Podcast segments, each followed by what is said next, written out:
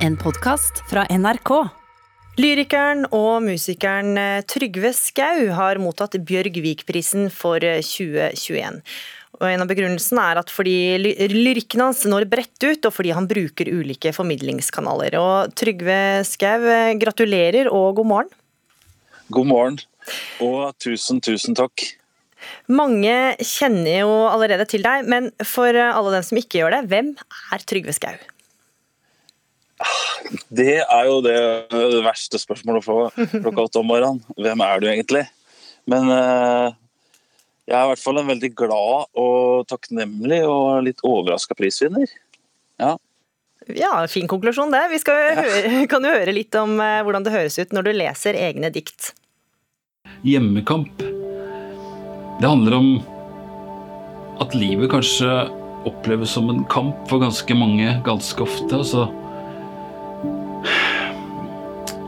Jeg tror det kanskje er ment som en slags sånn et heiarop til de som kanskje ikke har noe lag i det hele tatt, eller de som har endt opp på sånne lag. Ja, Dette vi hørte her nå, hvordan er det typisk for deg? Nei, jeg er ganske muntlig i formen, alltid. I hvert fall innenfor den dikt diktformidlinga som jeg kanskje har fått mest oppmerksomhet rundt det siste året, på Instagram og på, på det, ja, det har vært TikTok og på en måte prøve å formidle dikt i sosiale medier. Også for meg har det kanskje vært en, eh, en ekstra ting i verktøykassa, da jeg fant det forumet der. Som egentlig en låtskriver, artist, poet som har reist veldig mye med det jeg har lagd bare opp igjennom. Eh, og så fant jeg liksom den, den kanalen, og da åpna det en ganske ny måte å tenke på for meg, da. Ja, for det er jo også noe av begrunnelsen for denne prisen, nemlig den bruken av nye formidlingskanaler. Og Du nevnte jo Instagram, der har du nesten 200 000 følgere. Og eh, Hvordan eh, syns du at lyrikk egner seg der, i sosiale medier? Jeg synes Det er veldig spennende å se hva som skjer når du publiserer poesi der. Det er nok eh, prega av at altså hvis du kjøper oppsøker en uh, bok, låner en bok på biblioteket ditt, så har du tatt et veldig sånn, bevisst valg om å lese den poesien. Mens på Instagram så skjer det ofte, da kommer det ofte inn i en feed som er prega av eh, dagen til deg og de rundt deg. Ja, Du har tatt et bevisst valg med å følge Alexander Fallo eller Endre Ruseth eller meg eller noen Victoria, noen andre. Men det er ikke sånn aktivt valg om å at ja, nå tenkte jeg at jeg skulle lese et dikt. Det er mer sånn at diktet dukker opp midt i dagen din på en helt annen måte. Og um, det blir veldig en sånn Når man får en tekst opp i et sånt bildedelingsforum, så får det en stoppeffekt, og det stopper opp, og det preger kanskje hvordan du ser de bildene du sitter og scroller på, da, eller hvordan det preger din sinnsstemning diktet får jo også en veldig sånn farge av hvem som leser det, og hvordan de har det den dagen. Mm. Og så treffer du jo et eh, bredt eh, publikum. og Hvordan forklarer du eh, at det er så mange som fatter interesse for lyrikk? Det har nok blitt veldig mye mer tilgjengelig, tror jeg. Og så har vi ofte en litt kanskje eller Forumet krever at det må ha en litt enklere form, en mer direkte form på poesien. Noe som også gjør den mer tilgjengelig, tror jeg.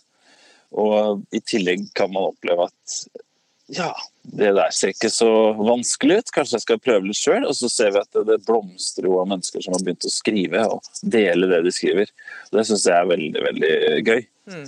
At, at, det sprer seg. Og du bruker mye du-form. Hva er forklaringen på det?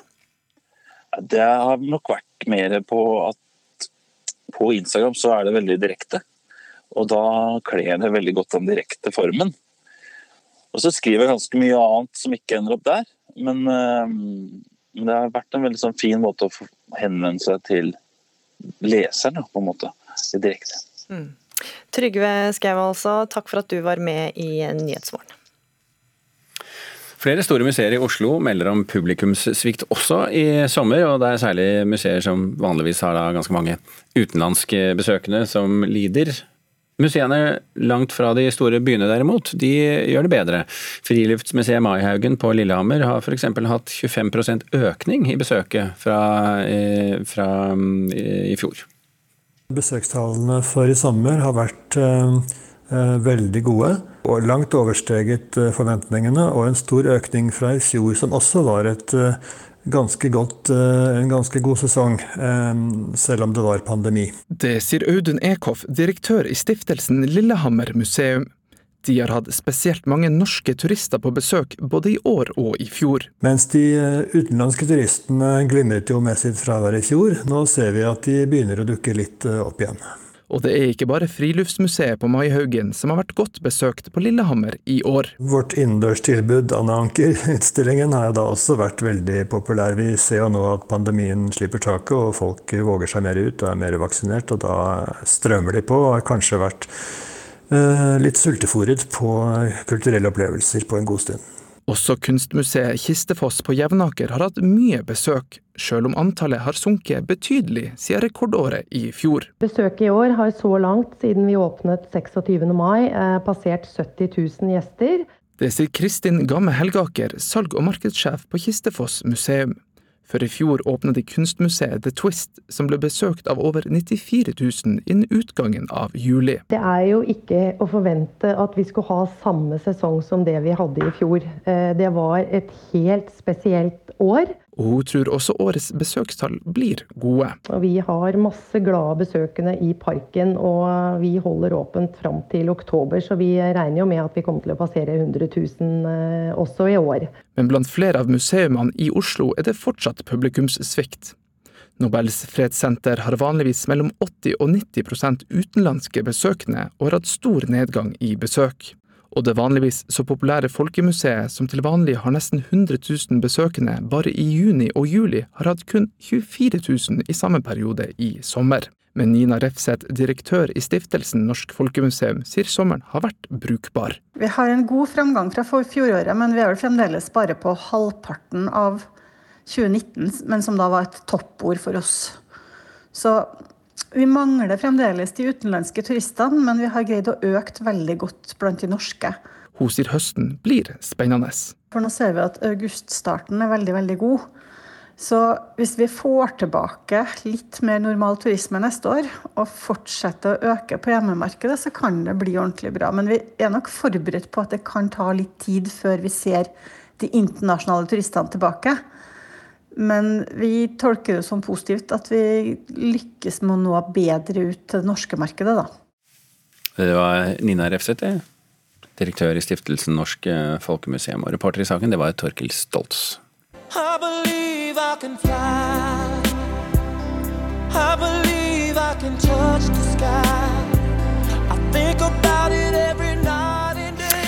ja, her hører du den amerikanske artisten R. Kelly, og kanskje en av de mest kjente låtene, i hvert fall her i Norge. Nå er rettssaken mot artisten omsider i gang i New York etter å ha blitt utsatt pga. pandemien. Og I går så vitna en av kvinnene i saken, og hva sa hun, eh, kulturreporter Munever Gildis? Eh, den nå 28 år gamle kvinnen fortalte at hun møtte artisten da hun var 15 år, og at han innledet et seksuelt forhold til henne da hun var 16 eh, år, skriver Variety. Kvinnen sa også at hun først hadde utgitt seg for å være 19 år gammel da de møttes, men at hun etter hvert fortalte at hun var yngre, og ifølge henne da ba R. Kelly henne fortsette å fortelle folk rundt dem om at hun var 19 år, og så la han til at hun, hun eh, skulle fortsette å oppføre seg som 21 år gammel. Og det er flere som skal vitne under denne rettssaken?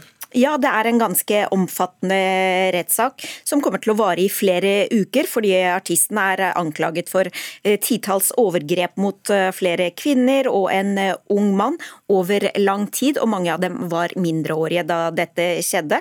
Og aktor hevder at det var en dårlig bevart hemmelighet at R. Kelly hadde et forhold til mindreårige.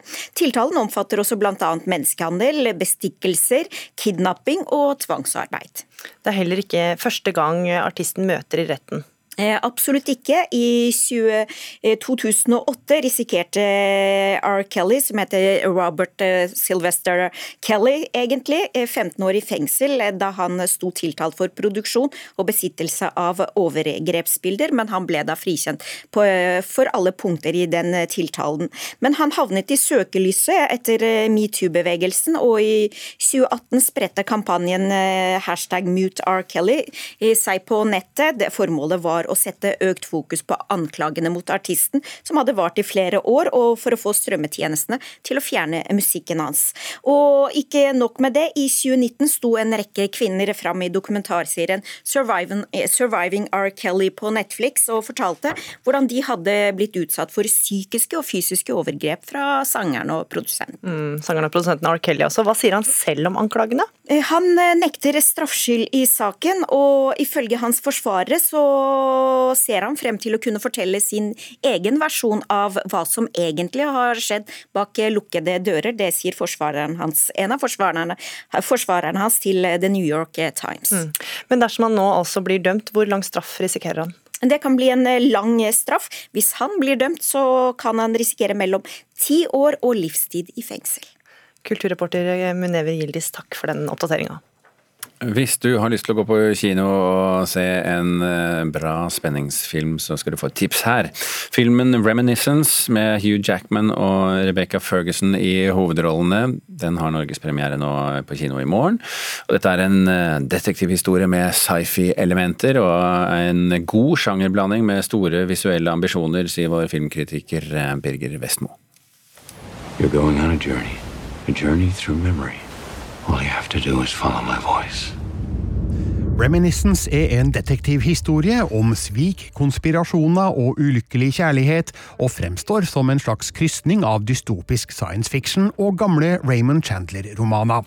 Det er kanskje en liten og personlig historie, men med store visuelle ambisjoner og to uforskamma attraktive skuespillere i hovedrollene, nemlig Hugh Jackman og Rebecca Ferguson. Her er han den slitne detektiven med tredagers skjegg, mens hun er en god gammeldags fem fatal i rød kjole. Reminiscence når kanskje ikke helt den emosjonelle dybden den søker, og noen av de oppfinnsomme mekanismene i regissør Lisa Joys eget manus krever en viss aksept for høytflygende ideer. Det her er likevel god underholdning basert på en spenstig idé, heva av filmatisk teft og solid skuespill. We're closed. I know, I'm sorry it's late. We have time for one more job. Historien foregår i Miami, et lite stykke inn i en fremtid sterkt prega av stigende havnivå og etterdønningene av en storkrig. Nick Bannister, spilt av Hugh Jackman, og assistenten Watts, spilt av Thandiv Newton, driver en forretning der kunder kan gjenoppleve gamle minner ved hjelp av avansert teknologi. En dag kommer May, spilt av Rebecca Ferguson, inn døra for rett og slett å finne nøklene sine, og Nick blir umiddelbart forelska. Det skal vise at May kanskje ikke er den hun utgir gir seg som, og når hun plutselig forsvinner, begynner Nick å lete etter spor i sine egne minner. Han skal imidlertid oppdage at nostalgi kan være både farlig og avhengighetsskapende. Nothing is more addictive than the past. No, no, no, no, no, put me back. Put me back. Filmen er altså forma som en klassisk film noir, bare satt i et dystopisk fremtidsmiljø som automatisk vekker noen assosiasjoner til Ridley Scotts Blade Runner. Manusforfatter og regissør Lisa Joy er mest kjent som en av skaperne av den suksessrike serien Westworld, og hennes første spillefilm vitner om en ambisiøs og stilsikker filmskaper som tør utforske ville konsepter også på det store lerretet.